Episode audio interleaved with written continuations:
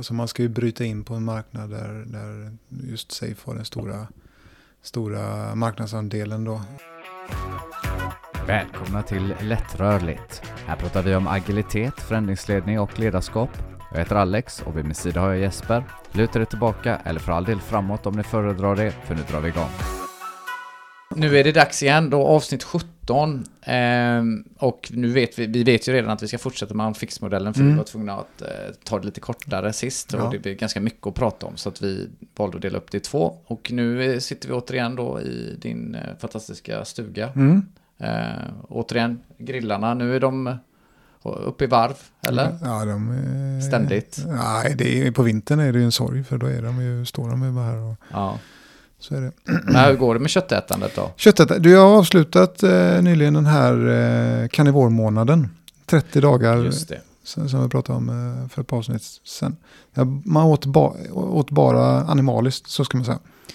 Och eh, då är ju du jättenyfiken på hur, hur det var. Eller? Ja. ja, jag har lagt många tankar på det. Ja. Men hur har det gått Jesper då? ja, men det gick väldigt bra. Ja. Jag mådde jättebra. Jag är först och främst är jag nyfiken på, eh, lyckades du och de du gjorde med hålla sig till planen till att börja med? Ja, Hundraprocentigt. ja, ja. ja. Det är ju lite osäkert om det var något animal, eller något, något vegetariskt med. För, för jag åt på restaurang ett par Mm. gånger. Och då kan det vara så här, var det här stekt i olja? Någon vegetabilisk olja? Jag vet inte jag. Men det är ändå på den nivån. Ja, Eh, ja, jag förstår. Vad, ska, vad skulle det varit stekt i liksom? Späck eller? Späck eller, eh, vad heter det? Spe, ja, späck. eh, Talg, Ja. det är det bästa. Um, vad heter det? Lard. Vad heter det när man är från gris? Då heter det inte späck. Ja, men djurets eh, fett. eh, Djur, djurfett. Ja. Ja, det heter lite olika beroende på vilket djur det kommer ifrån. All right, bra. Okej, så då skötte ni er så. Mm. var det avklarat. Okej, vad blev då resultatet? Ja, alltså, hur man, en sak som var väldigt tydlig, det var att, att eh, jag har en sån här ketosmätare. Mm. Eh, och jag var i ketos mer eller mindre hela tiden den här månaden. Mm. Eh, det var tydligt. Även om jag åt kanske mer protein än vad man normalt sett. Tanken är att om man äter för mycket protein så ombildas det till kolhydrater. Så, men jag upplevde inte det. Jag var i ketos hela tiden. Eh, så det var ju bra. Och sen eh, blodsockret var ju extremt stabilt. Eh, det blev ju aldrig liksom, fick den här tröttheten. För det var lustigt när jag, när jag vi åt glass nämligen, Mm. eh, jag och Madeleine, eh, efter vi har gått av den där. Och då fick jag ju, efter det fick jag så världens jävla eh, sån här blodsockerdipp så jag höll på att Mm. somna. Mm. Så det, det var ju supertydligt då, så att blodsockret var jättebra då. Och sen, jag vet inte om jag sa det, men det- det verkar som kroppen absorberar mer eh, mat. Det, alltså, för poddlyssnare, det, det kom ut mindre i toaletten helt enkelt. Mm. För, för det, mer av det jag åt absorberar jag. Eh, nu när den då har öppnat upp Mm, eh, toalettlocket här så undrar jag lite liksom eh, kvaliteten på det som hamnade i toaletten Ja. eh, och, och konsistensen. Var det hårdare eller liksom var det mer Det var- lättrörligt eller på att säga. Men, Ett skitavsnitt där. ja. Nej, det var, det var normalt, ja, okej. jag. Så du upplevde inte att det blev positivt också? Ja, det, man ja, alltså det, var, det, var inga, det var inte förstoppning Nej. och det var inte åt andra hållet heller. Bra, låt oss aldrig återkomma just till detta. Det Nej. var väl ett, liksom, en dikeskörning och börja prata om... om Ja, ja, men ibland är det är en del som gillar det här uppsnacket. Vad sa du? Det är en del som gillar det här. Ja, ja, vi får se vad de. Men- vad de tycker nu. Ja, men det jag skulle säga är, ska jag fortsätta med det då? Och det, en sak som blev lite tråkig, det blev lite enformigt Ja, eh, i smakerna. Ehm, så därför kommer jag, jag kommer väl äta kanske åt, ja, 90% animaliskt skulle jag säga. mm. Och lägga till lite eh, vegetabilier då. Men försöka undvika det som är högprocessat. Mm. Eh, jag menar, lite grönsaker och sådana saker eh, ibland. Liksom. Mm. Men, Vad, vad består en, liksom, dagens första mål av? Vad det nu blir då, frukost, lunch, målet? Alltså det jag åt, det antingen ägg äter man mycket med. Mm. Liksom, det kan vara stekta ägg, kokta ägg, äggröra, omelett. Mm. Eh, så de smakar ju alla ungefär likadant. Men Mm. Sen är ost en stapelvara. Mm. Eh, och sen någon form av kött. Från köttfärs till stekar, eh, bacon går ner. Mm. Eh, kyckling.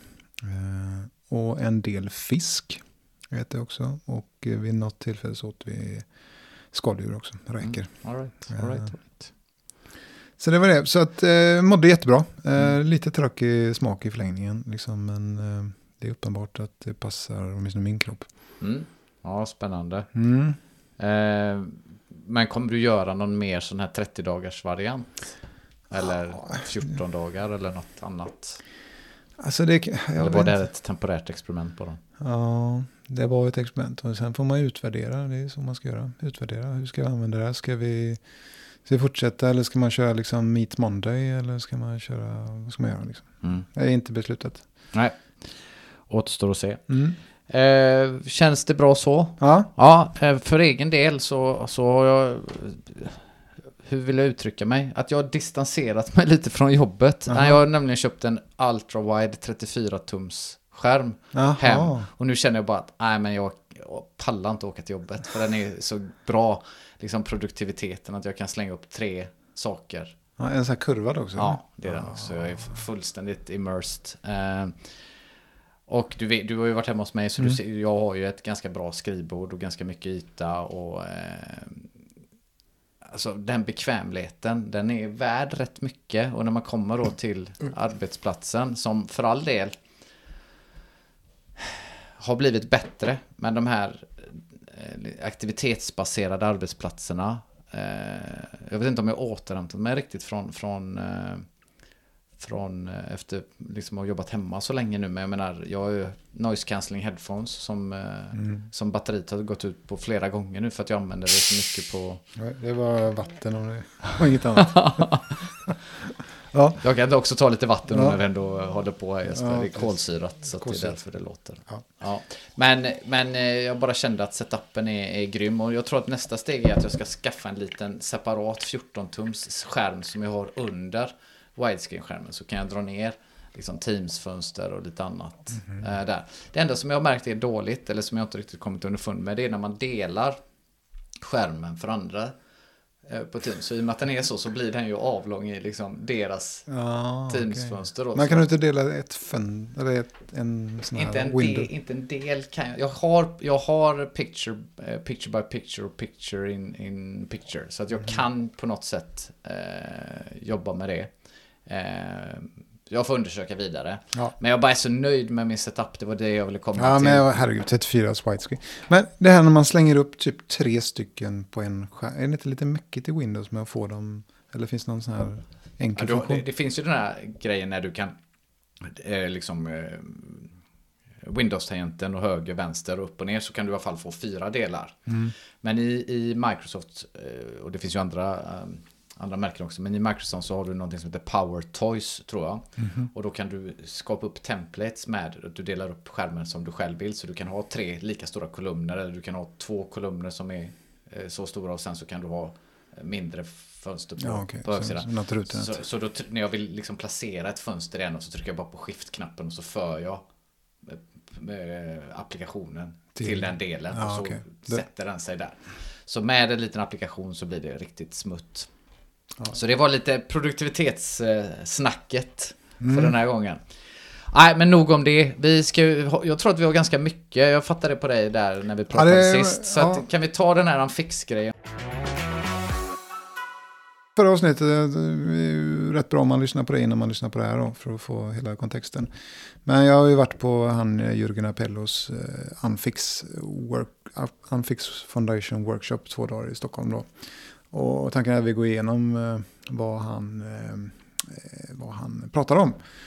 För det är ju lite att i grund och botten så, så är det som, ett, som en legolåda där man kan bygga sin egen metod istället för att använda en fix och färdig metod. Så, och, ja.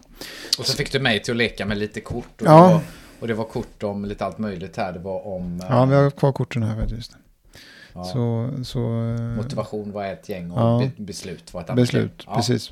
Så, men nu kommer vi till organisation. Hur bygger man sin organisation då? Och eh, då eh, har han ju x antal byggklossar som vi ska gå igenom här. Och det första han pratar om är crew types, crew. Och det är ordet som han använder. Han säger att the crew is a small team on a mission with a defined goal. Så vi, eller jag får vi säga, använder ofta ordet team. Eh, man jobbar i team. Men, men han pratar om ja, crew då. Det skulle kunna vara squad, podd eller cell och så vidare. Lite olika. Men crew är hans, eh, hans, hans eh, valda ord får vi säga för det här då. Och det började med att han utgick från den här Team Topologies. Har du läst om det? Har du Mm, sett den boken? Matthew Skelton och Manuel Paet eh, har skrivit en bok som är rätt bra faktiskt. om- Mm. I den så finns det fyra olika team. Det är Streamline Teams, Enabling Teams, Complicated Subsystem Teams och Platform Teams. Det är de fyra. Och de, eh, det tyckte han var bra. Och nu ska vi se vad jag har mina teamkort här. Då. Eh, ser du dem? Vad är de? De är där. Crew Types. Eh, och då, men han har eh, ändrat namn på dem då. Så Streamline Teams har han döpt om till Value Stream Crew. Och eh, det är ett crew då som gör, kan göra end-to-end funktionalitet. Eh, från ax till limpa och eh, kan leverera värde eh, i en värdeström då. Och och vi ska prata om värdeströmmar lite längre fram här. Men, men en värdeström eh, kan vara stor men den kan också vara liten. Och det gör han ett litet nummer av längre senare här. Men då heter det Value Stream Crew. Eh, Det som kallas för Enabling Teams har han döpt om till Facilitation Crew. Mm. Och syftet med dem är att de eh, hjälper andra crews eh, för att få deras jobb. Så jag gissar till exempel, nej det har jag inte, nu säger jag fel här. Därför att det finns en annan här, jag blandar ihop dem lite. Men det är den som heter Complicated Sub Subsystem Teams. Har han döpt om till Capability Crew. Och vad gör de då? De, de eh, har unik kompetens till alla. I någonting som kallas för basen som vi återkommer till. Och så finns det Platform eh, Team som är Platform Crew. Kan, vi, kan vi göra ett försök bara för att ge ett exempel då? Eller Ja. om jag kan till och med göra det. Nu är det då utifrån eh, Team Topology som jag har läst. Så om, om det finns en liten skillnad här då så, så kommer jag missa den. Men man kan ta så att Streamline Teams. Det är ju som, som eh, du redan har satt. Att från ett behov till att det, det behovet liksom materialiseras. Så det kan vara ett team som jobbar med en applikation till exempel. Eh, vad ska vi hitta på? Eh, ja, men ett inköpssystem.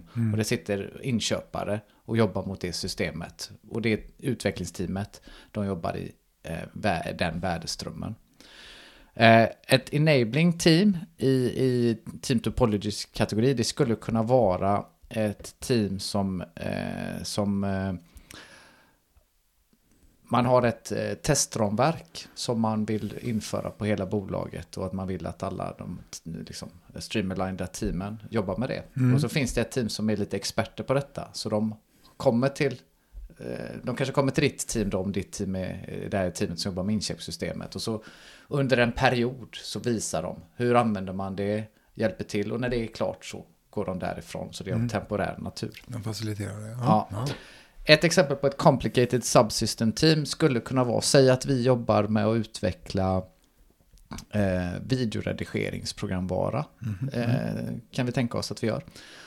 Men så finns det delar av det här som är så avancerat som har med artificial intelligence att göra. Så det krävs liksom hög kompetens inom ja, algoritmer och metodiker. Och istället för, och det är svårt att få, och då kanske man bryter ut det så att de får göra vissa liksom, specifika delar som hjälper oss eh, som jobbar mer i, med utveckling av applikationer. Och plattformsteam, eh, det kan vara då att man har börjat bygga någon teknisk plattform och så bryter man ut den. Eh, och så blir det ett teamkrig. Eller att man för all del har någonting som är givet, typ som en eh, servertjänst eller någonting, så kan det vara en, en plattformstjänst.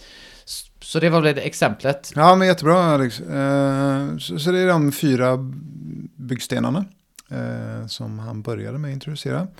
Eh, sen gjorde man en, en, en, övning här där man skulle titta på, på ett, eh, ett företag som dubblar i storlek hela tiden. Så här från, eh, från eh, ett, ett, ett crew till två crew till fyra till åtta till sexton och så vidare. Så en gång i månaden då så skulle man, vilken typ av team skulle man behöva då. Och, och vi ska inte göra det, men, men jag tror att, att initialt kanske man hade en sån här eh, value stream crew liksom. Men sen efter ett tag så behöver man ha ett, när man blir fler behöver man ha ett platform crew och ett facilitation crew. Och när det blir mer komplext behöver man olika typer då. Just det. Det är ju inte jättekonstigt att det blir så då. Eh, men sen lade han till eh, tre nya crew types. Och eh, de heter så mycket som Experience Crew. Mm. och de ska eh, då till syfte att titta på Customer Experience att det, det, våran kund, vilken det nu än är, om det är en intern kund eller en extern kund, eller, titta utifrån det. Och det här med experience eh, återkommer vi lite till. Det, det är någonting som Apello tycker är viktigt. Eh, så den heter Experience Crew. Du har något som heter Partnership Crew. Och den hanterar eh, ja, suppliers och andra han kallar det för lite roligt gig workers mm. som gör uh, små in, inspel. Och frilans. Liksom. Uh, det kan man tänka sig. Hade vi haft videoredigering kanske vi hade några sådana gig workers som hade kommit in. Och skådespelare som kanske hade gjort en liten scen i våran uh, podd som vi har, har, har nu mer i video sen då kanske. Mm. Och sen slutligen finns det något som heter Governance Crew. och och eh, det är lite fult, eh, ska man säga, ledningsgruppen. Men inte bara väl? Nej, inte bara. Eh, men på något sätt bestämmer hur hänger det här ihop. Mm. Jag har lite mer mandat. Så ledningsgrupp är kanske fel ord, men, men governance. Har, har vi några exempel här? Experience crew? Jag tänker ju, alltså sån här typ UX designers. Och researchers också kanske. Researchers, ja exakt. Och, och eh, den typen när du, eh, ja, kanske också lite om du tänker product manager, product owners, försöka förstå marknaden, mm. vad är, vilken är kunden, vilka är nästa kundsegment. Just det. Eh, interagerar, den typen av kompetenser mm. är det då. Just det, och Partnership Cruise. Du sa uh, vendors, mm. sa du va? Vendors, freelancers, gigworkers, ja, suppliers kan man tänka sig också. Ja, okay. ja, så det, måste ha ett interface mot dem. Ja, liksom. ja men tydligt. Mm. Uh, så det gör ju sju stycken olika crew då. Mm. Får jag kolla på korten? Ja, det får jag.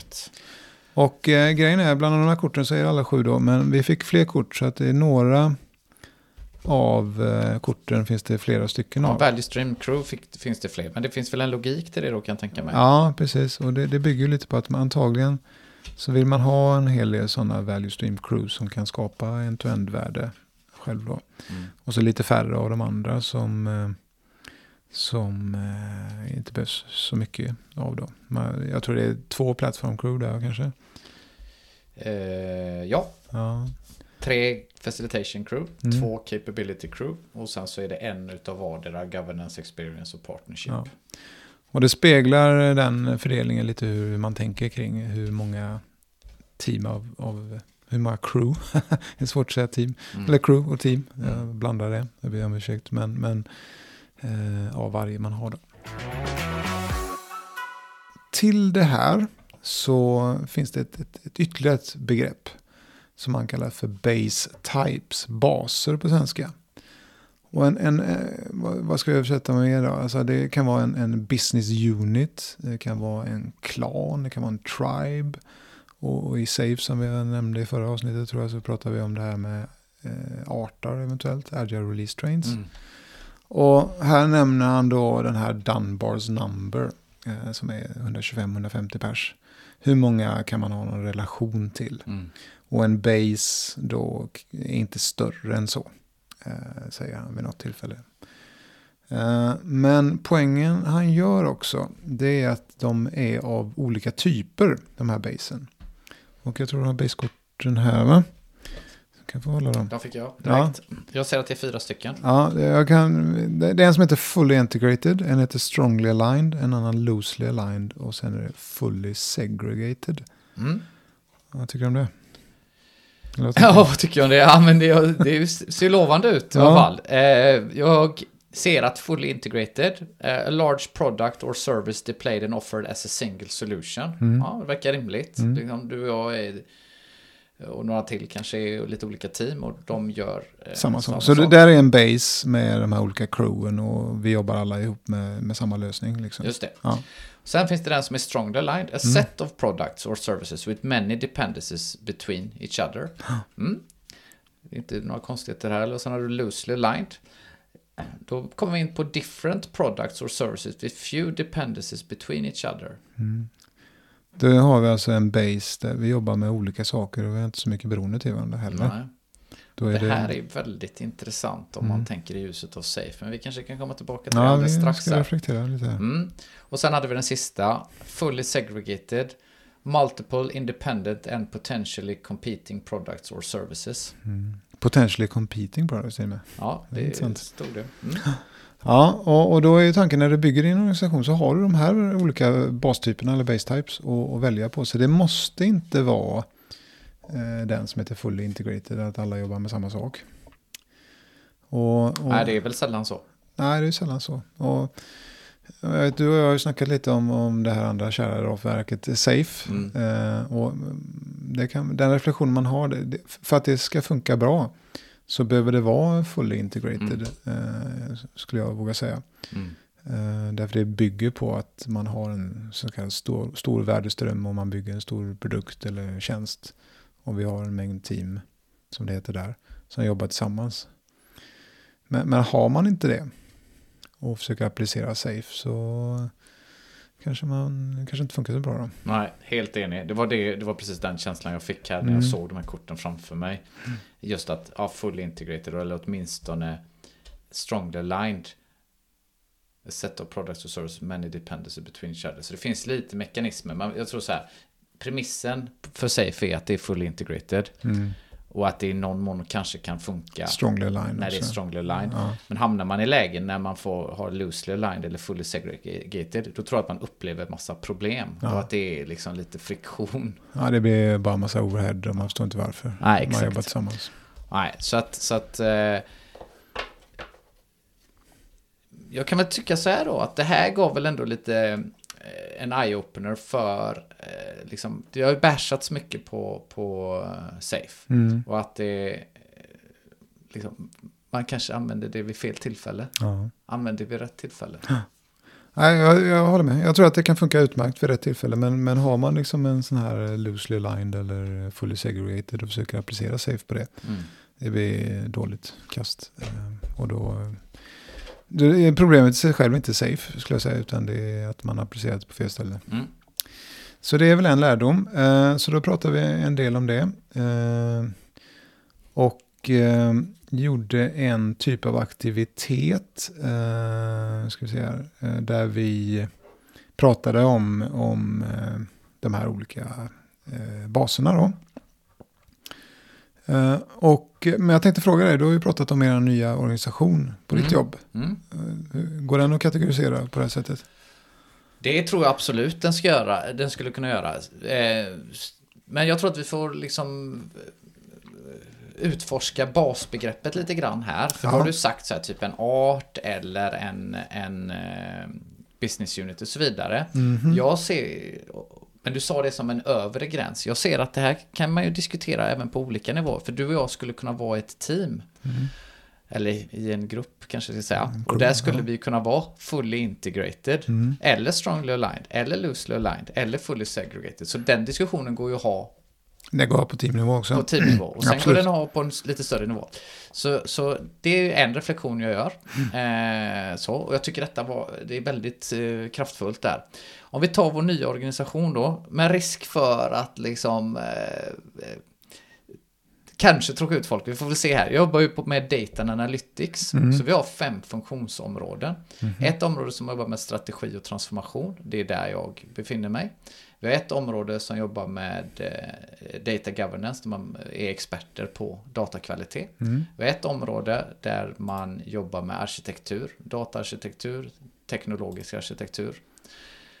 Sen finns det ett, ett, en funktions, ett funktionsområde som är då produktteam. Så det finns, vi har ett eh, decommission-projekt när vi plockar ner en gammal eh, Okej. mjukvara. Vi har ett, eh, en eh, gruppering som utvecklar nya eh, plattformar kan man säga. Och så har vi en grupp som eh, ja, men gör en data science-plattform. Så det finns i liksom, produktteamet. Och så finns det sista femte funktionsområdet. Eh, för vi jobbar ju med projekt, datainitiativ över hela bolaget. Så då finns det, eh, vad ska man säga, koordinatorer eller li- liaisons, alltså kontaktpersoner som Mhm. både kan driva sådana här projekt men även har koll på eh, liksom motsvarande dataorganisationer ute i verksamheten. Som du hör så är det lite gott och blandat. Och det finns. Lite, lite olika processer. Så att sen beror det också då på, jag, jag, ska, jag ska göra, eh, liksom, om jag bara En drar... bedömning. Ja, jag ska göra en bedömning. Så om jag bara drar med, du vet, den breda penseln så skulle jag säga att det är någonstans eh, loosely aligned till mitt egna påhittade medium aligned. För det Ja. beror lite på. För egentligen skulle Där, jag... där jag har vetokortet där. Hell Ja. no. Hell no. Det finns kluster i den här organisationen Mm. där man är, där man är eh, strongly aligned. Så det du säger egentligen är att ni har en liten blandning av de här Ja. alignment. I just den organisationen så skulle jag Men säga. eh, får man fråga om vi säger att en sån här, det har jag inte sagt, men en base jag var uppe på så att den kan kanske vara upp till, upp till 125 personer. Ja. Men Apello säger inte att den, den kan vara rätt liten också. Ja. Det, det kan vara, du vet, två crew i en base liksom. Mm. Eh, Med er organisation, var, stor är den ungefär? 200 pers. 200 personer. Det är egentligen, om du hade delat upp den i två eller tre basar, hade kunnat göra lite olika typer av... Ja, men det skulle jag nog säga. Att, för jag tycker att det finns en diskussion att ha på, på ja, kanske inte på den absolut översta nivån, men det, det går att hitta liksom två, tre subgrupperingar. Och sen tycker jag att den diskussionen går att ha på många steg hela vägen ner, Ja. precis som vi sa. Jag ska ta två exempel och så kan vi lämna detta nu, för jag misstänker att det blir lite rörigt för folk som lyssnar. Ja. Men vi har till exempel ett team som är fully segregated mot alla andra. Aha. Och då blir ju frågan, okej, ska vi säga att basen är fully segregated för det? Nej, för det är den ju inte egentligen. Det är ju egentligen bara de Mm. som är fully segregated från alla andra. Så jag kan inte säga att basen är det, för det blir inte en rättvis bild. För alla är inte fully segregated. Nej. Men de är segregated från alla andra. Så det är den första kommentaren. Sen är jag i en gruppering som jag skulle gissa är ett governance-team. För vi sätter ju upp ramar hur Mm. folk ska för, förhålla sig. Eh, försöker göra livet lättare för folk i förhoppningen, men ibland gör vi det svårare också. Mm. Så, så pass. Vi är ju i någon mån loosely aligned inom vårt team. Mm. Liksom, för vi har lite olika ansvarsområden. Vi försöker jobba som ett team, men lyckas inte alltid. Så att jag tycker det var jätteintressant. Jag Ja. hoppas, hoppas att man fick med sig något av det här. Eh, Nej, men jag tycker också det, det var en bra grej. Som, hur, alltså bara fundera på det. Hur resonemanget gick kanske det man ska ta med sig. Man kan Mm. strunta lite i detaljerna här nu, eh, hur, det, hur jag sa det. Men resonemanget är nog inget fel på. Jag tror vi hoppar till, till något som kallas för forumtyper faktiskt. Och det är också en massa kort. Ehm, men jag ska förklara vad forum är. Ehm, och eh, det ordet som kommer närmast är community of practice. Skulle jag säga. Att det, det, man, det här betyder då att man är med i sitt crew, något av de här crewen då, i sin base. Och i sin base har man också en till flera forumtyper. Där man oberoende vilket crew man är med så är man med i ett forum då. Och eh, då vet, om vi är tillbaka till här community of practice. vi- Det finns ju relativt vanligt att man har rollbaserad community of practice. Mm. Att du har Scrum Master-koppen. Just Eh, eller RTE-koppen. Eller Produktägarkoppen eller Produktägare. team manager-koppen eller vad det nu kan vara. Det är ett exempel på en, eh, en funktionell kopp. Mm. Eller hur? Så du säger alltså att det finns fler? Ja, det finns fler här. Och du kan titta lite på de här korten Mm. här och se om du hittar något som Verkar intressant. Ska jag plocka något ur, ur Ja, högen? vi kan väl säga att det är runt ett tiotal sådana forum. Ja, det tar vi inte alla. Nej. Functional har vi redan pratat om då. Ja, Eh, Customer Journey. Customer Journey, ja. Discuss work for a specific step of a customer journey. Mm. Precis. Och det, vi hade ju den här Experience Crew som var, eh, handlade om det då. Men, men då kan man ju tänka sig att man vill ju involvera eh, fler personer Ja, i, den, det. i det forumet. Då. Eller om man inte har ett experience crew så, Så. kanske det blir vanligt med ett sånt här Mm. forum. Ja, kan- intressant. Intressant. Eh, då ska vi se. Regional. Discuss work for specific region or geographical area. Mm. Ah, Okej, jag säljer en viss sak på svenska marknaden men jag kanske säljer en helt annan sak på den norska. Ja, Eh, och då behöver jag diskutera det, för det är andra förutsättningar. Precis. Och det här kommer också in på lite hur man, har, hur man har gjort sin base då.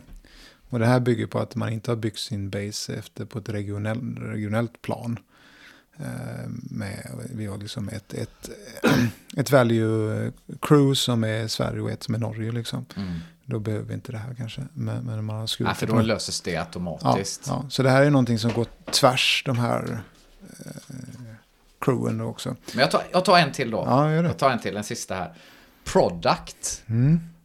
Står det på den då? Ja, discuss work for a specific product type or category. Och den här känns ju lite främmande eh, för mig. Som har jobbat med idén om eh, produkter i värdeströmmar Mm. länge.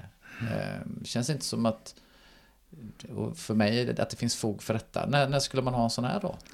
Ja, bra. Men säg att vi har gjort en, en eh, alltså våran base är, vi har en, en, en eh, ett svenskt crew och ett, ett USA-crew. Mm. Eh, Och så vill vi diskutera vilka produkter kan vi ha gemensamt då. Skulle det vara något. Ja, jajamän. Mm. Bra. Eh, så, och det finns ju, man kan gå in på Unfix-sidan om man vill se de här bilderna på hur en sån här organisation ser ut då. För det, de är lite, en base är rund och så har man där governance crew är på toppen och sen finns det eh, value stream crew som går på, vad blir det, på horisontellt va? Mm. Och så medan då har man eh, facilitation crew och, och andra, några av de andra crewna går på, eh, inte diagonalen utan på vertikalen. Eh, och sen har man eh, forum också som går på, eh, som ligger, så de ligger lite på varandra så här. Mm. Och det är själva tanken att, att man med de här korten faktiskt eh, bygger upp sin bas liksom och skyfflar runt de här korten och, för, och liksom tittar på olika konfigurationer egentligen då. Mm. Hur, hur, hur man ska organisera det här då. Så det, det, det var så man använde det. Och som sagt det fanns eh, kanske tiotal olika sådana här forum då. Mm. Eh, vad, vad, känns det med alla de här korten och de här olika typerna? Eh, just för forumtyperna eller? Ah, ja, vi kan reflektera över alltihop Ja. egentligen för jag är intresserad. Vi pratar om organisation. Ja, Så vi har crew, vi har base type och vi har forum. just det. Eh, eh, ja, men jag tycker vi är inne på det, just det här eh, att det här är ju värdefullt för att oavsett hur du bygger upp din organisation så Mm. kommer du ju liksom skära tårtan på ett visst sätt och missa aspekter. Och att kunna ha en diskussion om okej, vilka aspekter är det vi tappar bort och behöver vi ha forum kring Mm. det är ju extremt kraftfullt. Ja, jag håller med. Jag håller Så med. att eh, det var en reflektion. Eh, vad gjorde du själv för reflektioner när du... Eh, alltså vi, vi gjorde lite olika övningar här och det var ju inte så att, nu var ju de styrda att vi fick övningar, men det var inte så att ah, vi saknar ett crew eller vi saknar något forum. Utan det handlar ju mer om att okej, eh, vet några, och nu har vi 20 kort, hur kan vi få in alla kort? ja, Men det var det mer, hur kan vi refina, få bort en del kort så det inte blir för komplext. Ja, det är ett sätt också. Så, så, så det, man behöver inte använda alla kort liksom. Eh, utan det är återigen en, en, en legobox. Just det, just det. Ja, för det är också bra. För det är också bra att veta vad det är jag tar bort. Mm. Det finns ju alltid ett liksom, värde i det för den gemensamma förståelsen. Att nu har vi medvetet, ja men seasonal som det står på ett forum, typ kort här. Mm. Det är inte intressant, liksom, för vi har inget, liksom, då vet vi att det är aldrig en diskussion. Ja, det kanske, ja, lite långsökt men det finns ett värde i alla fall. Okej, eh, sen eh, hade han eh, några case studies som, och det, jag tänkte dra en här i alla fall. Jag tror det var möjligtvis ett estländskt bolag Mm. som heter Pipe Drive. Jag är lite osäker på vad de jobbade med mer än det namnet, men de utvecklade någonting i alla fall. Och de har inte följt eh, Appellos metod, men det bygger liksom på, på de principerna eh, skulle man kunna säga. Så då har de istället för, för base så har de någonting som kallas för en tribe. eh, I det fallet. Och istället för forum så har de det som kallas för en, en vad heter, uttalar man det, en guild. Mm. Mm. Jag tror det kanske kommer från Spotify det va? Eh, Det ser li- snarlikt ut. Ja. Ja, precis. Och sen har de någonting som, de har en launchpad. Som är en, det skulle man kunna säga ett plattformsteam eller liknande.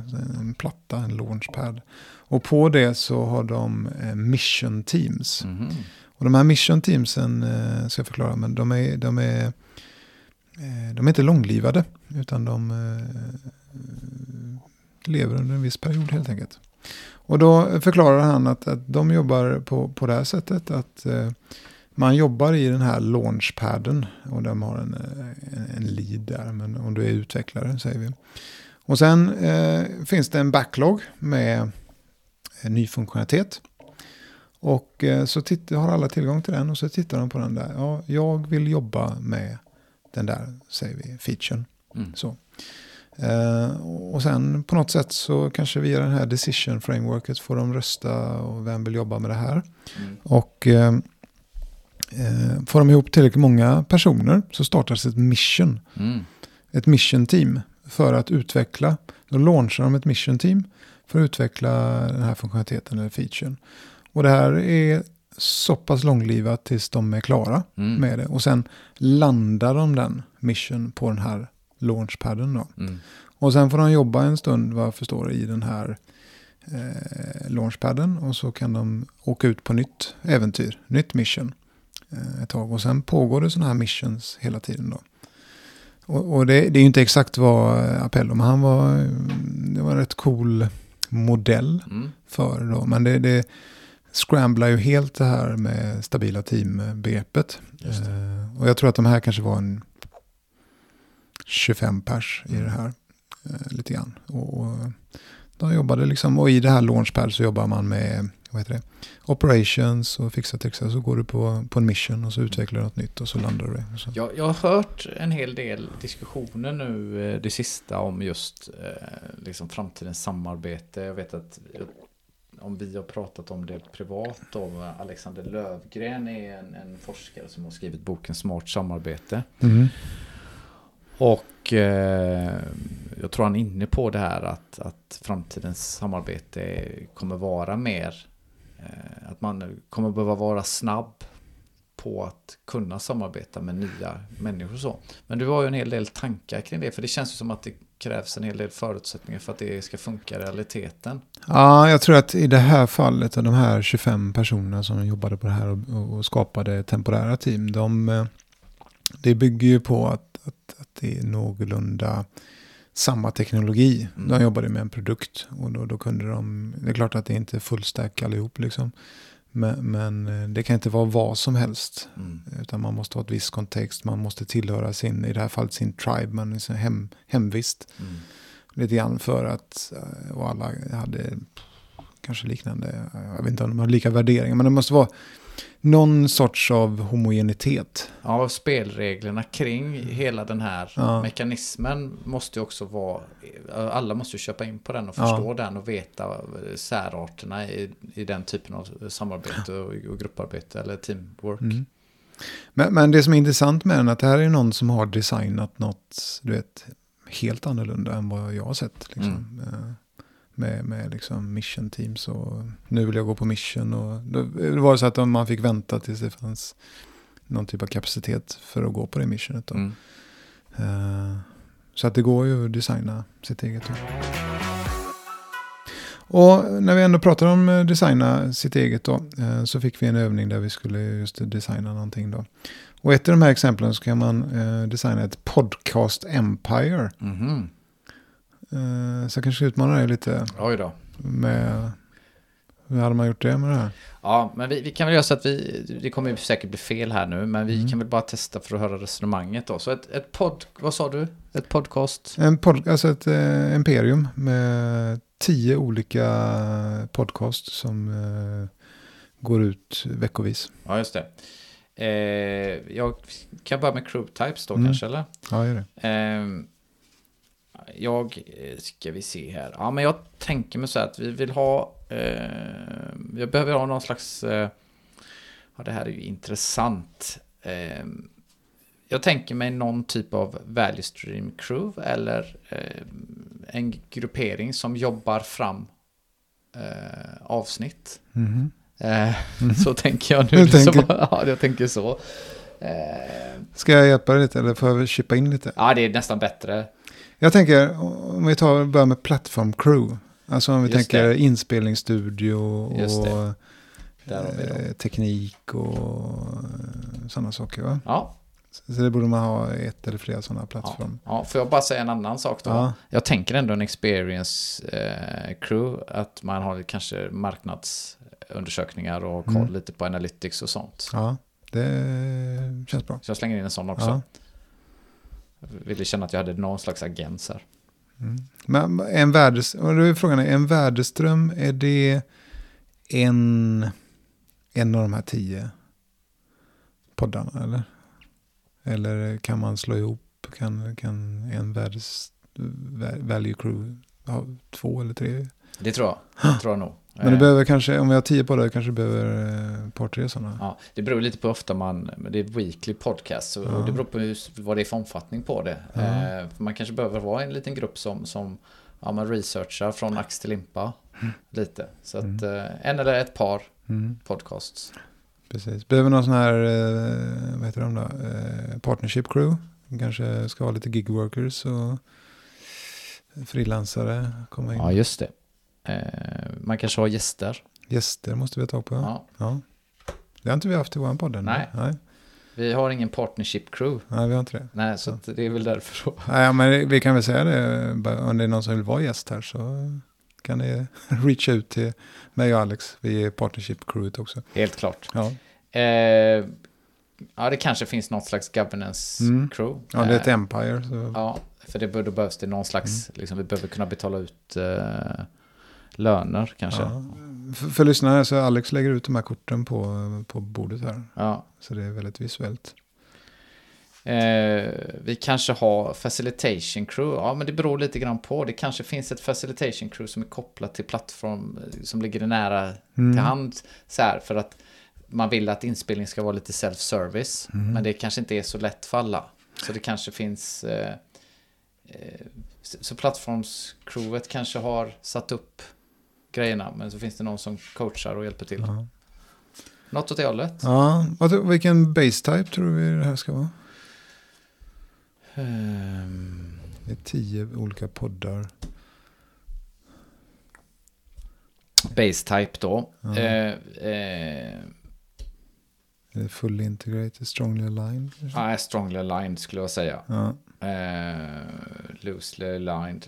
Nej, men vi har, vi har nog mycket beroende mellan varandra. För jag kan tänka mig att det är så här, jag vet inte om du hade... Så här, jag vet inte om det är liksom stabilt folk i de här value stream crew. Man skulle faktiskt kunna tänka sig att det är lite så här, det det fluktuerar lite. Att det Mm. finns lite kompetenser som, som switchar över de här värdeströmmarna. Eh, i, I form av eh, liksom, intervju och research inför eh, grejerna. Så att, och då kan det finnas lite beroende av lite olika sorter där. Så jag skulle säga strongly aligned. Eh, eller? Ja, det fan, det kan vi köra. Ja, vi kör på det. Vågar du slänga med någon forumtyp också? Jag ser vad den korten där. Oj då. Gjorde ni allt detta? Ja, det gjorde det. Men ni fick mer tid då eller? Ja. Nu blandar jag ja. upp korten här Ja, det- det är ju dumt. Eh, du säger att, vilken forumtyp då? Ja. Ja. men seasonal kanske ändå är, jag vill göra julavsnitt. Julavsnitt, ja. Ja, eller liksom typ holiday-avsnitt. Det kan vara så att när det kommer så behöver man diskutera det. ja. Vilka poddar ska vara per säsong? Ja. Mm. Eh, technological tror jag inte på. Market. Kanske. Kanske. Det kanske kommer något från vårt experience crew som säger någonting att Mm. eh, här behöver man eh, eh, titta lite extra. Ja. Ehm, channel. kanal. Ja, Alltså, där kan man tänka sig eh, ljud och bild i två kanaler. Just det. Och eh, jag vet inte, podd, eh, poddar kommer i de formaten. Jag vet inte om de kommer i den andra format. Nej. Inte i skriven form. Nej. Ja, En skrivna på, det är bloggen där. ja, det är det. Ja. Eh, ja, men man kanske har... Eh, ja, det är en bra fråga. Eh, ja, men man kanske har...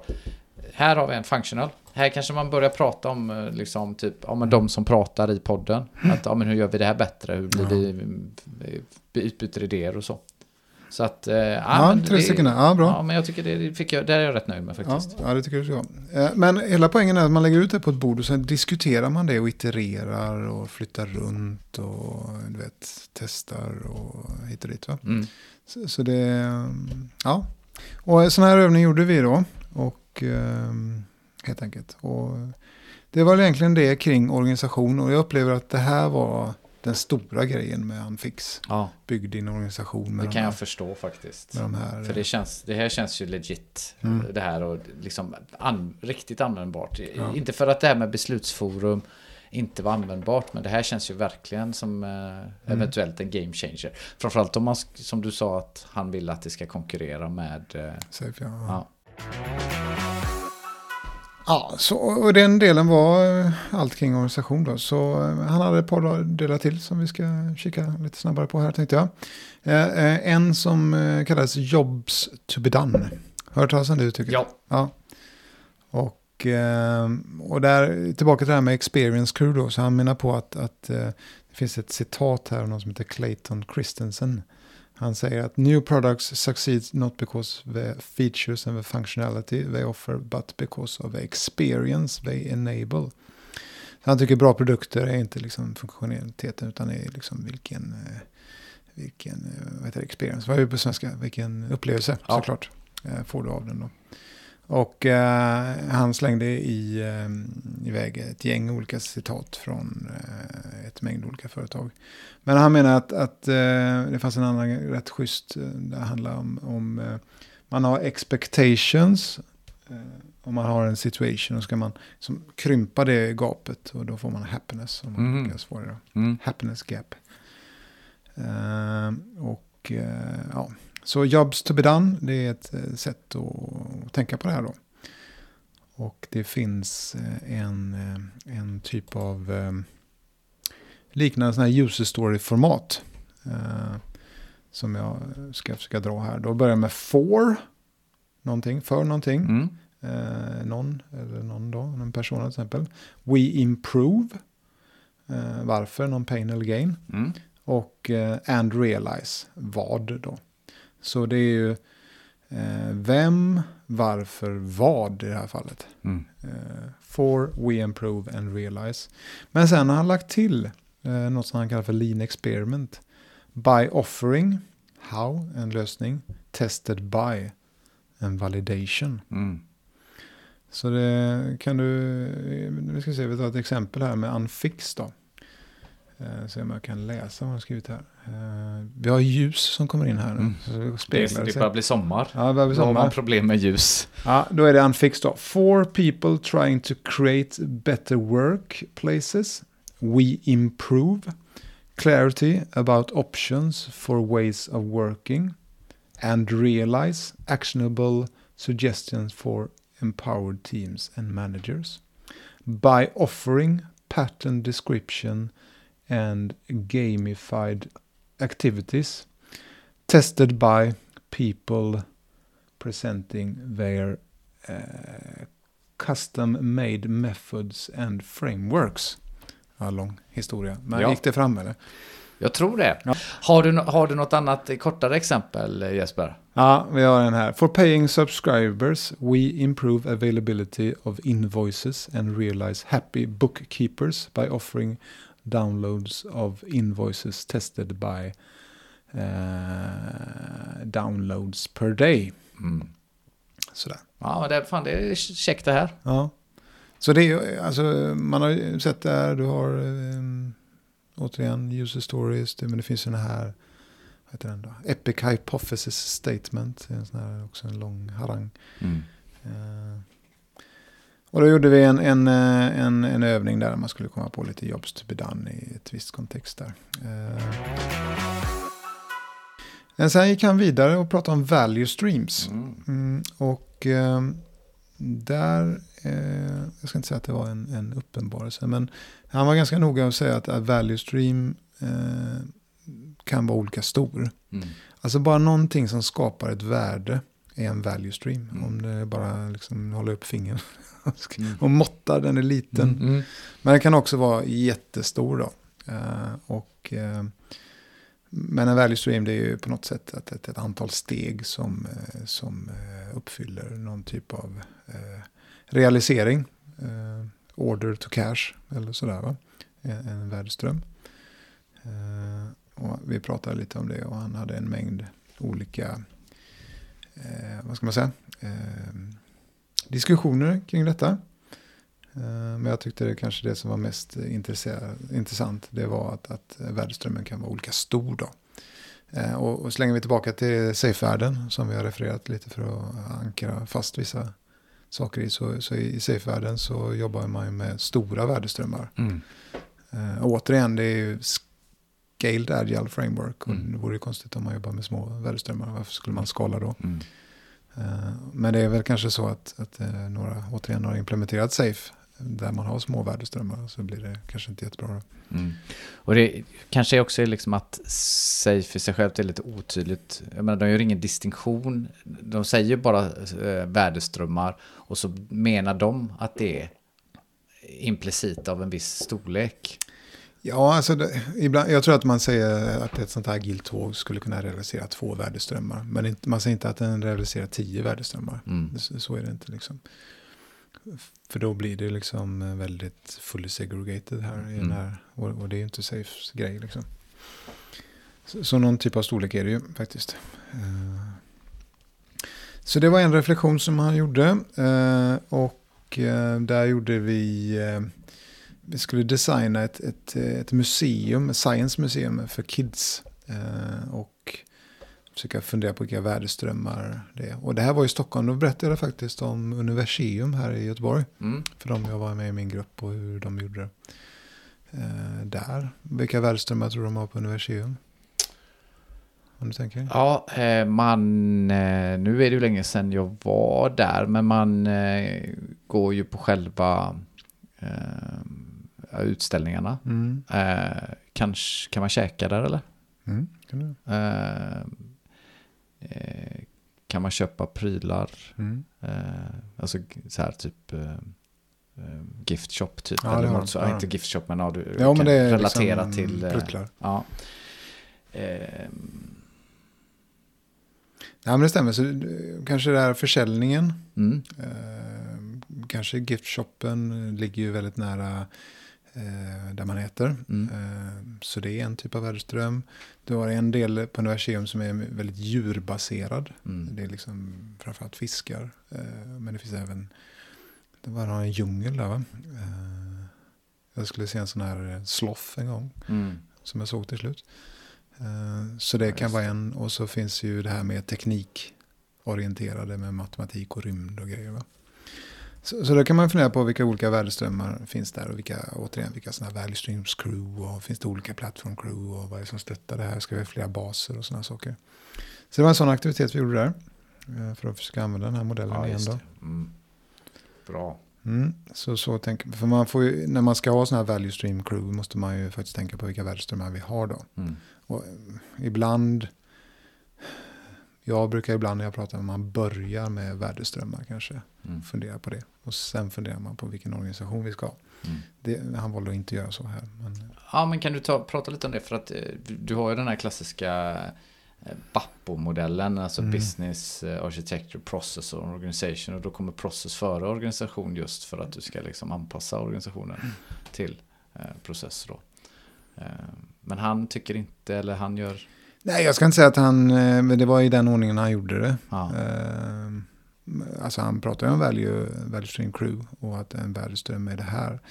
Och så jobbade vi det. Men sen kom denna biten i den här workshopen Ah, okej. som var informationen vad är en värdeström då. ja, Och eh, kanske rent pedagogiskt kanske man vänt på det. just det. Ja, du tänker ur det perspektivet. Ja, men då fattar jag. Men, men det var så det var i alla fall. Mm. Kolla på dem. Vad står det på dem? På korten står det Innovation Vortex. Mm. Eh, och då är det lite olika saker här. Contextualize, Mm. systematize, sensitize, externalize, hypo hypothesize, eh, synthesize och empathize. Hmm. Eh, och sen så står det ju då givetvis lite text till detta eh, under. Och det också står lite vid sidan här. Frame, learn, test, build, ideate, define. Ja, men det här ser ju ut som att det är eh, som någon slags process här. Ja, det är, det är en rund process och tanken med den var, jag gick inte jättedjupt i den, men, men det är att liksom innovation är viktigt. Och det, det vet du kanske i alla företag pratar om innovation, hur gör Mm. vi den då? Och det här är liksom kort att försöka förstå. Det ser ut som en vindsnurra på, på i själva ikonen. Ja. En sån här som man kan få när man är barn i olika färger. Som man sätter upp i luften och så snurrar Så, den. ja, det är sant. Eh, vad, vill han, vad vill han säga med det då? Ja, det, det kommer en, en, en annan del här om, om eh, vad ska man säga, produkt eller life cycle stages. Mm. Eh, Det kommer lite i otakt här, men, men det var den ordningen han presenterade i alla fall. Mm. Eh, och hur man innoverar, hur man kommer på. Han, alltså han är ju entreprenör, innovatör, så det Mm. ligger, var tydligt att det låg någon nära hjärtat, sådana här saker. Så han, han, han, han eh, pratar om hur innovation ska Okej, gå jag, jag förstår att jag kanske går för händelsen lite förväg då. Mm. Men finns det någonting med att detta inte är steg för steg nödvändigtvis? Eller? han, alltså det är en cirkel är det ju. Ja, Och man kan följa den cirkeln om man vill. Men, men det är inte nödvändigt att bygga alla steg hela tiden. Liksom. ja men det känns som att på nästan på bilden så att man går in och ut ur... eh, Mm. Ja, Ja, så Innovation Vortex. Det, återigen, det kanske inte jag sagt, men eh, allt det här går att se på den här anfix.com mm. om man navigerar dit. Eh, Sen var det en annan del som eh, poppar in mitt emellan här och det handlar om eh, beroenden, dependencies. Och där var det två delar egentligen. Det ena var dependency types, vilka olika typer av beroenden vi har. Och där har jag inte fått några kort, men, men vi har lite bilder på dem i alla fall. Jag kan, jag kan kolla här Ja. om du vill och så kan Ja. jag läsa. Då ska vi se vad vi har här då. Då har du typ requirements dependency. mhm. eh, uncertainty about the requirement and those with domain knowledge are not available. Mm. Mm. Det är inte helt ovanligt. Nej, verkligen inte. Eh, entity dependency. A person, place, object or artifact is needed to complete the work item and is not available. Mm. Mm. Test, test eh, utrustning Ja, till exempel. ja. Kan vara en grej sån. Planning dependency. A work item depends on another activity with a different priority or planned schedule. Den är ju kanske en av de vanligaste. En av de vanligaste. Eh, Det, det, det jag skulle säga styrkan är att, att när man sitter speciellt i de här lite skalade större planeringarna och så blir det beroenden. Så, och så, det vi har ett beroende till dem. Mm. Men däremot vilken typ av beroende, Mm. det diskuterar man inte. Mm. Och här jag tror det är tio olika typer och man kategoriserar dem inte heller. Nej. Utan det är, eh, vi har till dem. Mm. Eh, Det här är faktiskt, jag kan säga det, jag fick ju frågan i förra avsnittet om jag har liksom tittat på några egna ramverk. Mm. Här är ett område som jag och mina kollegor har försökt liksom titta, Mm. vi har inte kommit så här långt, vi kanske landar på en fyra, fem olika. Mm. Eh, och känt att det, kom ju från att diskussionen var viktig, för det är precis, så, viktig, för det är precis som du säger, ja vi har ett beroende, ja men vad är det för typ av beroende? Ja. Vi blandar äpplen pä- och päron ibland. Ja. Och vi ska ju ändå, okej, kan vi ta bort beroendet? Vad kan vi göra åt det? Om vi inte vet vad det är för typ, då kan vi inte heller liksom agera på det. Nej, så jag tycker det är kraft, kraftfullt. Då. Ja, Så det var en mängd beroenden. Och sen därtill då så har han eh, vad blir det då? 20 stycken dependency breakers. men nu hade du kort ja, va? de har jag någonstans här. Där är Där. stora högen. Ja. Eh, oj, okej. Ja, just det. Ska jag, ska jag bara dra några eller? Ja, hur, hur bryter man beroende? Är det här på? Mm. Mm. Eh, Den första som dök upp här då heter Swarm. Let team members flock to where they can resolve dependencies. Det är nästan som en task force kanske. Ja, att det är många olika kompetenser. Eh, Nu läser jag in lite mer kanske, men eh, många som samlas för att där de kan lösa Mm. upp Vad var det? Var det en fladdermus? fladdermus. Ja. Ja. Svår. Ja, svår. Ja. ja. Ehm, ja, men den här då. Rotate. Mhm. Rotate team members between teams to resolve dependencies. Vad kan man tänka sig att man löser för dependencies då? Flaskhalsar och sådana saker. Ja, Ja. Beroende, tänker- beroende till enskilda personer kanske. just det. Ja, det jag sa med entity dependency. Mm. Där att, ja, exakt, en person då som har, eh, man blir T-shapad. Ja, det är skitbra. Det älskar jag. Det älskar du. Ja. Eh, bra. Ehm, jag ska se här. Decouple. Ja, ah, men den är intressant. Workaround. Work around the dependencies with mocks, fakes or stubs. Mm. Så att eh, man kopplar isär dem Man kopplar åtminstone tillfälligt. Ja. Då, i, feature toggles. Nej, det var står toggle här. Ensure that features that depend on others can be toggle on off. Ja, då får det feature toggle. Ja, det är ett gäng sådana. Eh, Men jag tycker, även om vi inte går på djupet i det här, så du har dependency types och dependency breakers. Ja. Och ha den diskussionen, vilken typ och hur kan vi bryta dem då? Det känns ju hyperstarkt i, du vet, vi har dependency och vi kan inte göra någonting åt det. Kontextet. Mm. För det kan man antagligen, det är bara att man inte, jag vet inte, antingen har man inte verktygen eller så energin eller orken riktigt, eller så är man något annat. Mm. Jag har ett kort till här framför mig. Nu har Ja. du sett alla korten här, men jag tänker ändå ställa frågan om du Mm. kan gissa vad det kan vara här då. Säg att vi har en situation som är att du gör eh, samma sak eh, ganska ofta, Mm. återkommande. Och då finns det en dependency breaker som löser det här. Kan du gissa vad det är för någon? Kan det vara automatisera? Yes, automate repetitive support tasks to reduce dependency. Ja, du ser. Du ser. Ja. Så det, det var eh, med bronen. Men sen kom vi till en annan del eh, som har egentligen eh, kopplar bättre ihop till det här med innovationen. Och det är life cycle stages. Och då eh, visade han först, det var någon kvinna som hade blivit 100 år. Och eh, varje årtionde så hade någon tagit ett kort på henne. Eh, och då var det just så att de här life cycle eh, berättade om, om human life cycle. Mm. Att man är, om man är en etta då är man nyfödd och sen en tvåa är man bebis och, och så vidare. Och så går det upp till tio då man är late adult från 80 till 100 plus år. Så det är ju den mänskliga livscykeln då. Och det gick över till att prata om livscykler för, för produkter men även för organisationer faktiskt skulle man säga. Men det var ingen, ingen riktig tydlighet då. Och, och då hade han, det fanns många fina ord för det här då, men etta var en initiation. Så någon har en idé, någon idé och det är kopplat till värdeströmmar då, i det här Mm. fallet, om en värdeström. Tvåan är expedition, first experiment, uh, with an idea, seeking problem, solution fit. Mm. Och det här låter lite startup här? Mm. Sen formation är trean, full commitment of a team to create a new value stream. Fyran är validation, further experimentation with idea seeking production or slash market fit. Femman är stabilization, seeking business market fit, preparing to scale up the value stream. Jag drar allihopa då. Eh, sex, acceleration, scaling up the value stream to serve a larger market. Eh, Sjuan är crystallization, Uh, the value stream is well established, switching to optimization. Åttan är expansion, uh, travel variants, spin-offs of a value stream. Nian är uh, conservation, all goals achieved and value stream is in decline. Mm. And termination är tian, closure of a value stream, focus on other opportunities. Jag tycker man har sett något snarlikt som inte har varit lika granulärt. Det var ändå ganska snyggt. Mm. Ehm, att det finns ändå liksom tydliga steg. Ehm, man får verkligen med sig hela, hela bilden av eh, livscykeln. Precis, och sen eh, gjorde han ett exempel med, eh, jag vet inte, hade du en iPod möjligtvis? Eller MP3-spelare? Ja, det hade MP3-spelare. Ja, det är något liknande. Va? Och de finns ju typ inte längre. Va? Nej. Men de gick igenom de här livscykeln helt enkelt. Då. Och iPoden ersattes av iPhonen.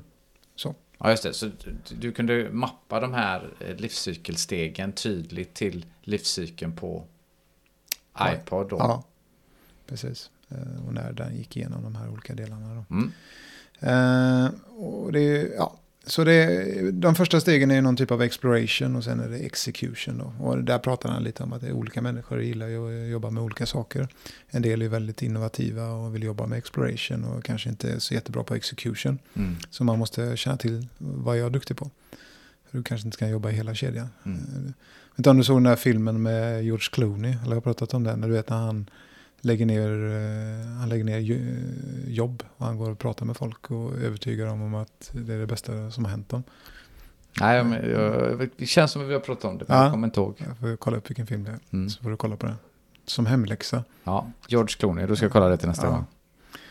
Ehm, sen fick vi en fråga vad, vad eh, vi trodde att den här Unfix-modellen, eh, vilken, vilken av de här siffrorna den var.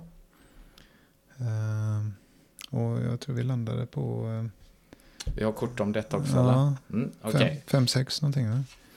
Ja, det får ju du svara på Ja. själv här. Eh, du ville uppenbarligen inte att jag skulle gissa här. Ja, så men du du får säger fem. Ja, men du har ju Ja. avslöjat det lite grann. Så att, Ja, men du kanske har en egen vilja. ja, fast jag är färgad av den du sa nu. Ja, det är ju svårt att säga något annat om det sitter många människor i en workshop tillsammans med Appello och kommer fram till fem, sex och jag ska säga, ska jag säga något annat? Jag kan säga hell no. Hell no. ja, jag tror inte det. Men okej, vi kan prata om vad det innebär då och se om Ja. jag tycker att det verkar rimligt. Va? Så femman är stab stabilization. Seeking business market fit, preparing to scale up the value stream. Så uppenbarligen har han gjort en värdeström Mm. och han försöker hitta vart, vart hans marknad finns. För han är ute och liksom snackar. Han gör sådana här workshops nu. Ja, snackar och liksom Snackar och- säljer in eh, MVPn Mm. lite grann. Det gör man. Och när han visade sådana här vet du, case studies så var det inte riktigt på den här modellen men någonting som liknade liksom. Just det. Så, så det, han är inte där än. Nej. Och sexan är acceleration, scaling up the value stream to serve a large market. Mm, det verkar rimligt. Jag, ska bara tycka, jag kan tycka att det är mer åt femman i nuläget. Så jag ska kolla på fyran då vad den Ja. säger. Validation, further experimentation with the ID seeking product market fit. Okej, nu var inte jag där. Jag skulle säga att det finns, för mig känns det som att det finns spår av fyran här Mm. fortfarande. Han kanske ändå kommit till någon slags, eh, har fått tillräckligt med eh, kött på benen att han tror att det här kan flyga. Eh, Men alla tvivel lär inte vara borta. Att när han Nej. sitter på en sån här workshop så får han ju också svar på fler saker. Mm. Så att eh, jag håller med dig, mellan fem och sex med spår av fyran. Han hade ju någon sorts, man kunde signa upp och bli någon pff, unfix partner och vidare. Någonting som han mätte hur många sådana var då. Ja. Och det har väl eh, kommit en bit där. Så det var inte helt nytt liksom. Blev du en sån?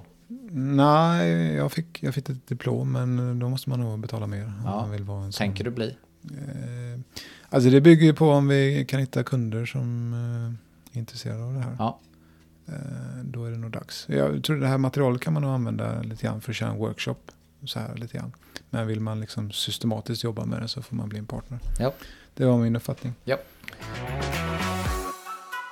Och sen pratar han om Investment Horizons. Det är en modell från eh, eventuellt från McKinsey tror jag faktiskt. Eh, Med olika horisonter hur man investerar i sina produkter. Och där finns ju horisont 1, 2 och 3 och så finns det horisont 0 också.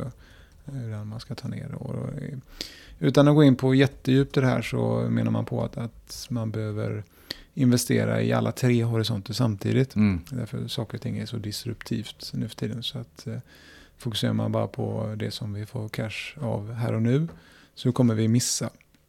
Jag tror att är, man kan göra det caset med till exempel AI Mm. och så vidare.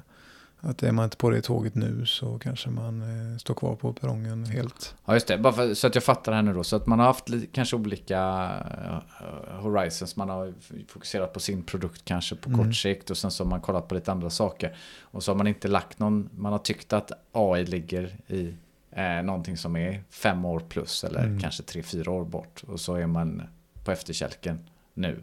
Och så blir man utslagen och Precis. kommer gräma sig. Så finns det här klassiska exemplet med vad heter det, eh, digitalkameran lite grann. Mm. Som var en teknik som vissa inte hoppade på. Och blev helt, jag tror, vad heter de då? Hasselblad möjligtvis. Eh, var ett sånt företag. Eh, men här finns också kort. Har du sett dem? Nu har jag det. Ja. Eh, ja, de är ju bara fyra så de kan jag nog gå in på. Ja. Så Investment Horizon är rubriken. Då finns det första som heter Disruption. Replace products and services by reinventing the business itself. Det är horisont 3 det va? Det står inte på kortet men det kan jag berätta att det är. Ja, tack. Mm. Eh, Eh, då misstänker jag att jag inte tog det i någon ordning här. Investment horizon improvement. Mm. Improve products and services with minor changes and innovation. Mm. Det bör vara under disruption eller över beroende på hur man... Men de, Ja, det är ettan kan jag berätta. Ja, ettan. Ja. Var disruption trean? Ja. Okej, då ska jag se om jag kan placera in de övriga då. Mm. Maintenance.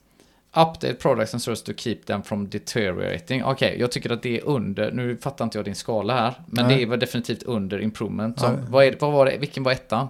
Det var improvement. Så ja, då är det en nolla i så fall. det är en nolla, ja. Okej, Precis. det var ju en konstig skala. Ja. Eh, och sen har vi extension. Eh, jag har ett hål här så jag tror att den har passar in här. Men extension, extend products and services, new capabilities and new customer groups. Mm. Okej, okay. jag ska bara sammanfatta för det blir lite rörigt då. Så maintenance, då uppdaterar man produkter och liksom håller dem under i schack. Mm. Improvement, ja man gör små förbättringar och små, eh, kanske små innovationer. Mm. Extension, ja då har man en produktflora som man jobbar eh, vidare med och förbättrar, eh, försöker hitta nya kundgrupper. Och sen har man disruption och då vrider man och vänder upp på hela rubbet och hittar Exakt. helt nya grejer. Ja. Ja, det här Men känns det- ju också väldigt kraftfullt. ja, de här var tanken att när man gör alltihop med de andra korten och så kan man säga att ja, det här, här har vi ett Valuesum crew eh, och de jobbar med disruption liksom. Just det. Så kan man förtydliga det, att vad, vad är det de jobbar med liksom. Just eller det. de jobbar med monitoring eller vad det är va? Det är Cobol-teamet. I någon, kanske man kanske behöver bygga ut det här för att vi... När jag nämnde hur jag skulle bygga upp det så pratade jag om att vi har ett team som håller på med decommission Mm. av någonting. Är De är ju närmast ett M, mm. typ ett M minus Ja. är det. För att de har ju fortfarande en tjänst som de, som de eh, behöver operera och se till att den, för den ska ju funka så länge den inte är, är borttagen. Medan vi har andra gäng som, eh, vi har pratat om de som har data science-plattformen. De behöver ju hitta nya grupper. Mm. Så de är fortfarande en expand, expansion, det, ja. extension då. Mm.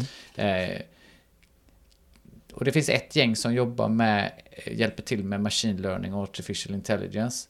Eh, de kanske är någonstans mellan E och D här. De hjälper grupper att, att komma till punkter där de kan göra helt nya processer Mm. eller, eller göra helt nya produkter för all del. Ja, den här var grym. Ja, det gillar jag. Okej, vi ska gå vidare här. Vi har en lite kvar. Eh, Så det var det. Och sen kom han eh, till något han kallar för reteaming. Eh, vad blir det på svenska? Man gör nya team. Och han säger då att, att ibland så måste man skapa ett team snabbt. Och det finns inte alltid tid för det här med forming, storming, norming, performing eller Ja. IMGD-modellen som vi pratade om i början på podden. Avsnitt 1, 2 eller Ja. någonting. Precis, och, och då fanns ett litet exempel här, lite, lite halvlöjligt, men, men säg att eh, vi är på en brandstation och så, så har vi lite olika team på stationen här. Och så börjar det brinna klockan tre på natten och så, så säger teamet, nej vi kan inte åka ut för vi har inte alla våra teammedlemmar här. Eh, Vi kan inte ta med några från team två här. Eh, Så det funkar ju inte, utan då får man ju formera det teamet på de som är på stationen. Så är det klart man kan ha en jour och ringa in dem som, som är på jour. Då. Mm. Eh, Men, men han tycker att det här med statiska team inte agila faktiskt Mm. på sitt sätt. Då. Och det är lite lustigt när vi tänker på det. Att, att man, vet vår podd heter lättrörligt, agila är lättrörliga. Men pang bom, vi sätter ner team. Mm. De är fasta över tid. Mm. De är ju inte agila då. I den, de är inte lättrörliga. Eh, Så det är lite intressant då. Och i den här kontexten så har han definierat fyra olika team. Och du Jag snodde, jag, nu har du inte så många korthögar kvar på din sida Nej. så jag misstänkte att det var den här högen. Ja, vad är det för olika team då? Ja, eh, Liquid Team. Mm. The team itself is short-lived and team membership also changes frequently. Mm. Kortliva team eh, byte. Alltså de här mission team som jag berättade med de Ja. andra, det är, ju- de är lite liquid team kan jag tänka mig. Mm, all right. Mm. Steady Team. The team is long-lived and team membership changes rarely. Mm. Det är väl det är kanske det vi har i stor Ja, utsträckning. det är det vi strävar oftast. Där hade du, fast här kommer Mission Team. Jaha. The team itself is short-lived but team membership changes rarely. Så det var skillnaden mot Liquid Team. Kan du, nu blir jag osäker Ja. på vad skillnaden var. Ja, just det. Vi tar det igen då. Liquid Team. Team itself is short-lived. Team membership also changes frequently. Ja, okej. Så det är nya brandmän in. Det, nya team, nya Nya, medlemmar. nya medlemmar. Och mission team är... Eh, nya team men inte nya medlemmar. Ah, okej. I en st- större kontext då, Ja. måste det vara. Liksom. Typ att om du har de här 25 personerna så är det fem som är i, i teamet. Okej. Mm. De, folk går in och ut. Ah, okej. Ja, det är lite svårbegripligt. Ja, jag blir lite konfunderad själv faktiskt. Nej, yes. Nej, det kanske inte är så konstigt. Team itself is short-lived and team membership also changes frequently. Eh, det vill säga folk kommer in och ut ur teamet. Det är liquid. Mm. Mission, ja, där går inte folk ut. De lever med hela teamets livslängd. Mm. Så det åker inte folk in och ut. Ja, man är i det teamet hela tiden. ja, så länge dess- teamet lever. Ja, okej. Ja. Mm, mm. Och så finns det team som är långlivade. Där man hänger med under hela resan. Och så finns det dynamic team. Där teammedlemmarna åker in och ut då. Så Ja. om man har mycket omsättning på folk i sin eh, organisation. Då har man ju kanske dynamic. Eller blir kons- konsekvensen blir att man får mer dynamic team än steady team. Mm. Man behöver lära upp och, och leva med det liksom. Får tänka på att vi jobbar i en dynamisk miljö. det bara rör sig hela tiden. Ja. Ja, nej, men det är också eh, olika flavors på hur man kan designa sin organisation och fundera på vilka olika teamtyper du har. Mm. Och han liksom pratar lite grann att det här reteaming ska jag inte vara rädd för. Mm. Eh, Men jag ska villigt säga att jag är lite halvskeptisk Mm. eh, till, till det där. Det går nog att göra under kontrollerade former, men, men jag har ju sett många nya team som är helt improduktiva. Du vet, det tar tid liksom. Mm. Och ska man då byta hela tiden så vad händer med produktiviteten då? Mm. Ehm, ja, så det var en annan flavor. Uh, så vi börjar komma till slutet här. Vi pratar om, eller han pratar snarare om principer. Du vet alla ska ha principer eh, i ramverk och eh, metoder och grejer. Va? Mm. Så han, de har sju principer minsann. Ska jag läsa dem? Eller? Ja. Eh, så du fattar. Eh, första är Where is the customer? Frågetecken. Everywhere? Utropstecken. Mm. Jag, tycker, jag tycker den här är, ja, nu är inte jag säker på att det är det han menar, men jag kan tycka att i den kontexten som jag befinner mig i så har vi plattformar, vi har team som är ganska långt ner i Mm. teknikstacken, men vi har inte det fokuset som jag tycker på användaren. Vi borde vara mer, ha, jobba mycket mer med developer experience, för det är utvecklare som använder. Mm. Vissa är bra, men vi kan alla bli mycket bättre. Eh, och man, inte prata bara så här att kunden är kund av den slutprodukten som vårt Ja. företag tillverkar. Liksom.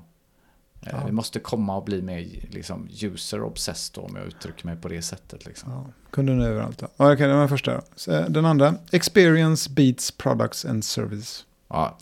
Och den jackar väl in i det då, eh, att, att erfarenheten, liksom, vi kanske inte ska behöva prata om produkten och tjänsten, utan det är erfarenhet, liksom Upplevelsen, upplevelsen, ja. upplevelsen förlåt, som vi ska prata om här hos användaren.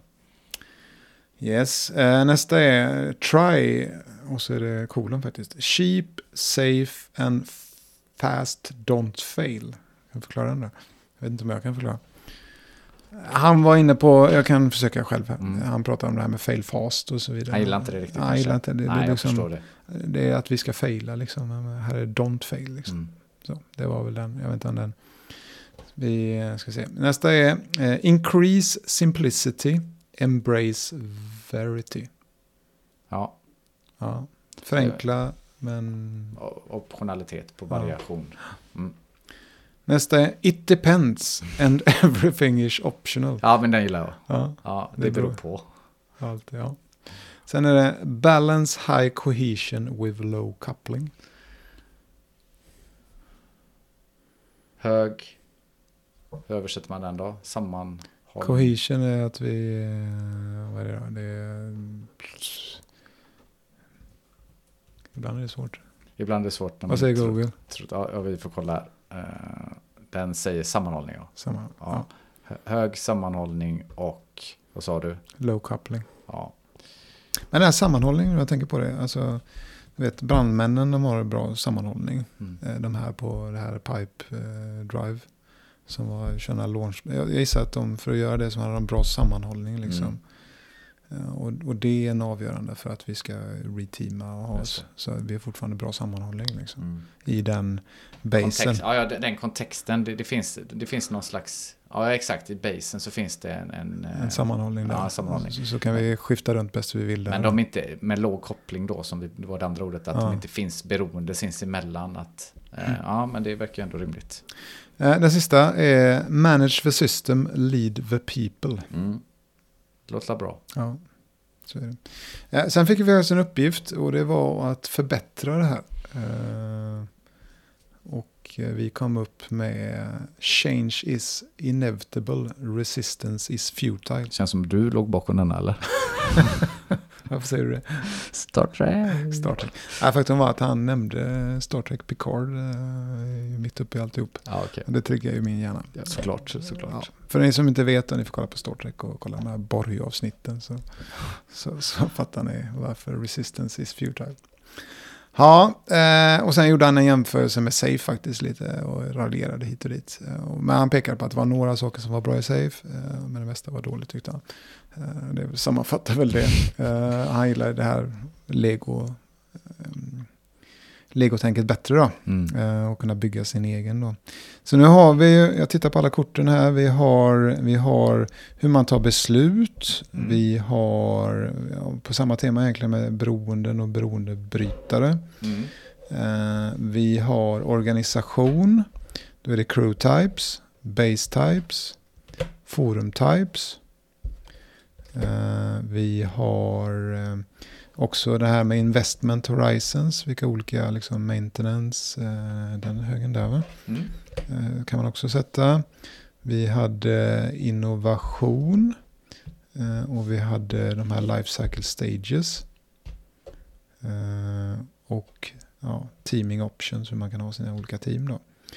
Som är ett gäng olika, vad ska man säga, parametrar, hur du bygger din organisation. Mm. Hur tar vi beslut, vilka team har vi, vilka värdeströmmar har vi, vilka experience har vi. Och, och det här är en, en, en stor eh, legolåda. Mm.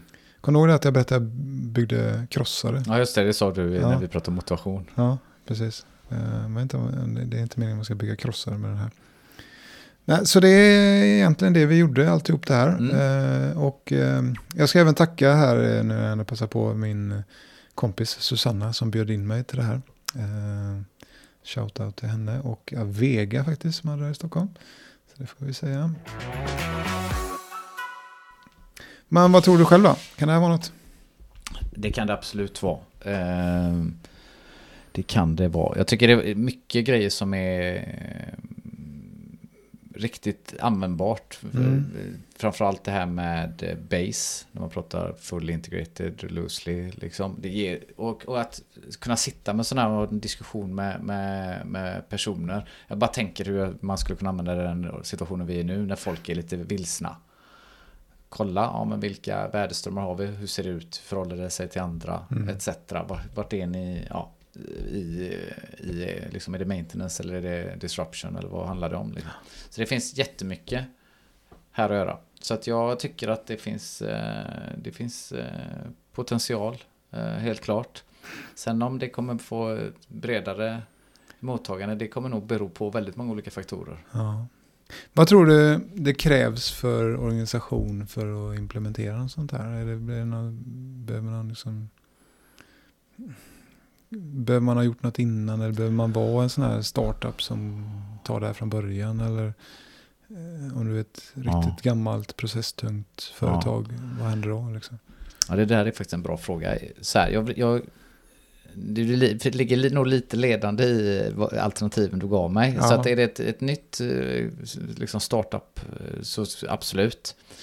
Eh, jag vill ju tro lite grann att om man har liksom jobbat med SAFE innan så man har fått en liksom förståelse för liksom mekanismerna i organisationsdesign och man har kommit till en punkt, då tror jag att man skulle kunna liksom hoppa på det här steget. För Mm. man har fått en massa saker och, och om man har gjort en bra transformation, eh, som jag får säga att vi ändå har gjort eh, när det kommer till det och folk har fått lära sig väldigt mycket, då skulle man kunna ta sig an sånt här. Mm. Men om man inte har förståelse för de här koncepten med uppskalad agilt, man kanske inte ens har förståelse för agilt, för det, det svajar ju på sina håll. Liksom.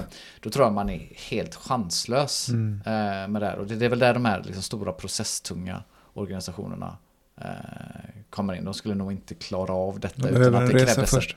Ja, Men sen kan man, jag satt och funderade på det, eh, säg att världen ändrar sig så jäkla fort. Då. Har du råd att inte göra så här? Kan man överleva ändå liksom? Kanske Ja. man kan. Ja, svårt att säga. Inte på, inte på kanske på 20 år sikt eller så. Men det, ja, det beror nog också på... Ja, det är ju som du säger med AI. Eh, ChatGPT, vilken version det nu är uppe i. Liksom. Det Mm. kommer ju bara gå snabbare och snabbare. Så att, eh, mm. Man pratade om det med, med DevOps för x antal år sedan. Att man, man har inte råd att inte göra DevOps. Mm. Jag tror att det är rätt många organisationer som verkligen gör DevOps nu. Inte så många Mm. som inte gör Mm. det. I någon form då. Exakt, sen hur bra de gör det, det är en annan Mm. fråga. Men de gör det absolut. Eh, vad, vad tänker du själv här? Kommer han eh, få någon eh, traction här? Kommer han lyckas? Vi får väl se. Jag vet inte riktigt marknadsföringsbudget och du vet, genomslag. Och, alltså man ska ju bryta in på en marknad där, där just Safe har den stora, stora marknadsandelen. Då. Men sen om den här vinner traction hos kanske en större del av du vet, ramverksagnostiska agila coacher. Mm. Det behövs nog Mm. för att det ska gå då. Eh, Jag är ju lite så, jag mm, gillar bägge. Mm. Sådär. De har olika användningsområden i olika lägen. Liksom. Mm. Så man behöver inte diskvalificera den ena för, i förmån för den andra. Så det, det är lite synd att ställa dem emot varandra Mm. faktiskt. Eh, så de kan både, du vet, man kan... Nej, det tycker jag inte man ska göra. Nej, Den givet situationen så kan man använda det ena och det andra. Då. Ja. Eh, så det tycker jag. Man kan för all del använda dem ihop också. Ja, ja, precis. Man kan använda delar av de här koncepten. eh, Precis som du sa. Eh, Men det, det utmanar ju etablerade koncept. Mm. Eh, Och jag blev framförallt mest utmanad av det här reteaming-konceptet eh, själv. Mm. Så det tycker jag. Men får vi se. Jag, jag tänker så här, nu kanske jag är lite dum här, men om jag bara tänker på hur jag upplevde det var med Safe och hur det bl- blev så har ju de, de gav ju ut mycket material gratis på Mm. hemsidan. Sen hade de ju utbildningar som var eh, färdiga. Mm. Och de hade också certifieringar. Och är det någonting som företag verkar gilla att slänga pengar på så är det ju certifieringar. Eh, så att ja, hälften skämt och hälften allvar så låg ju någonstans framgången för Safe i just de sakerna jag sa där, att det fanns eh, gratis material. Eh, de lyckades, eh, de skapade utbildning. Det kom nog vid rätt, det fanns en timingfråga. I förra avsnittet så nämnde jag, när du frågade vilka ramverk som fanns, så nämnde jag ju Crystal, Mm. Alistair Coburn. Och det, och det var nog tajmingen. Det var inte moget. Annars hade det eventuellt tagit fäste. Eh, Nej, jag tror du har rätt där. Att, att många vill ha någon certifiering och hänga det. Man ska ha ett diplom lite grann. Och jag tyckte han var tydlig. Även om man fick något diplom man deltagit i så, så var det inte liksom en certifieringsmodell. mm, Eh, utan han är intresserad av att bygga, bygga organisationer och hjälpa eh, organisationer med att göra det med den här legodådan. då. Så vi får se om det folk är tillräckligt intresserade och det får traction. Men, men eh, ja, det är kanske också som du säger att om man får träffar eh, communityt av, av eh, liksom, organisationsförändringsledare, ja. coacher, den typen och att liksom, det skulle också kunna vara en väg in. Fast å andra sidan ska de ju också ha någonting att sälja som efterfrågas. Så att, Jag vet inte om man kommer med de här kortleken till en ledningsgrupp och säger ska vi leka lite och hålla på med det här en stund. Um, nå kommer man någon vart då? Det är klart man får sälja in på ett lite annat sätt. Men, Ja, ja, jag, jag, jag tror man kan göra det. Frågan är bara vad man köper av. Vad, vad, hur liksom, blir hans affärsmodell här? jag fattar det som, nu kan jag ha fel om man får läsa det, men implementationspartner eller Ja, okej. om man bedriver workshops och hjälper till i den här på något sätt. Men, men jag ska låta det osagt För exakt. det handlar ju lite också om, det handlar också lite grann så att det här behöver hamna i en mognadsgrad. Du sa att det är MVP. Det Mm. behöver bli bra. Det kanske behöver, han behöver hamna i, eh, nu hade, hittar jag inte korten här, här är de. Han behöver ju hamna någonstans i de här, eh, kanske i maintenance. Om säg att han är i disruption och extension Mm. nu, så behöver han åtminstone komma dit när det liksom är lite stabilt och han bara förbättrar lite grann, improvement. Eh, för att man ska tycka att det är värt att vara i det. Ja. Sen tror jag också, en, alltså det här, han älskar ju sånt här. Mm. Och bygga och komma på någon, vet, sånt här. Frågan är om, om, jag tror inte han som person eh, är rätt person för Ja, att det. Maintain, maintaina det. eh, komma liksom, eh, utan han måste ha någon annan organisation som, som gör det. Mm. Och så kan han komma på nya koncept. Ja, det. För det, det, det är hans styrka liksom. Mm. Ja du Alex, Eh, nu har vi spenderat två avsnitt på den här Unfix. Mycket bra. Ja. Men jag känner att eh, vi får eh, släppa Unfix nu. Då gör vi det. Dra Eh, vad- Unf- Unfixa repet. ja, Fixa repet kanske. mycket bra. Ja. Bra jobbat Jesper. Ja, tack. Tack samma.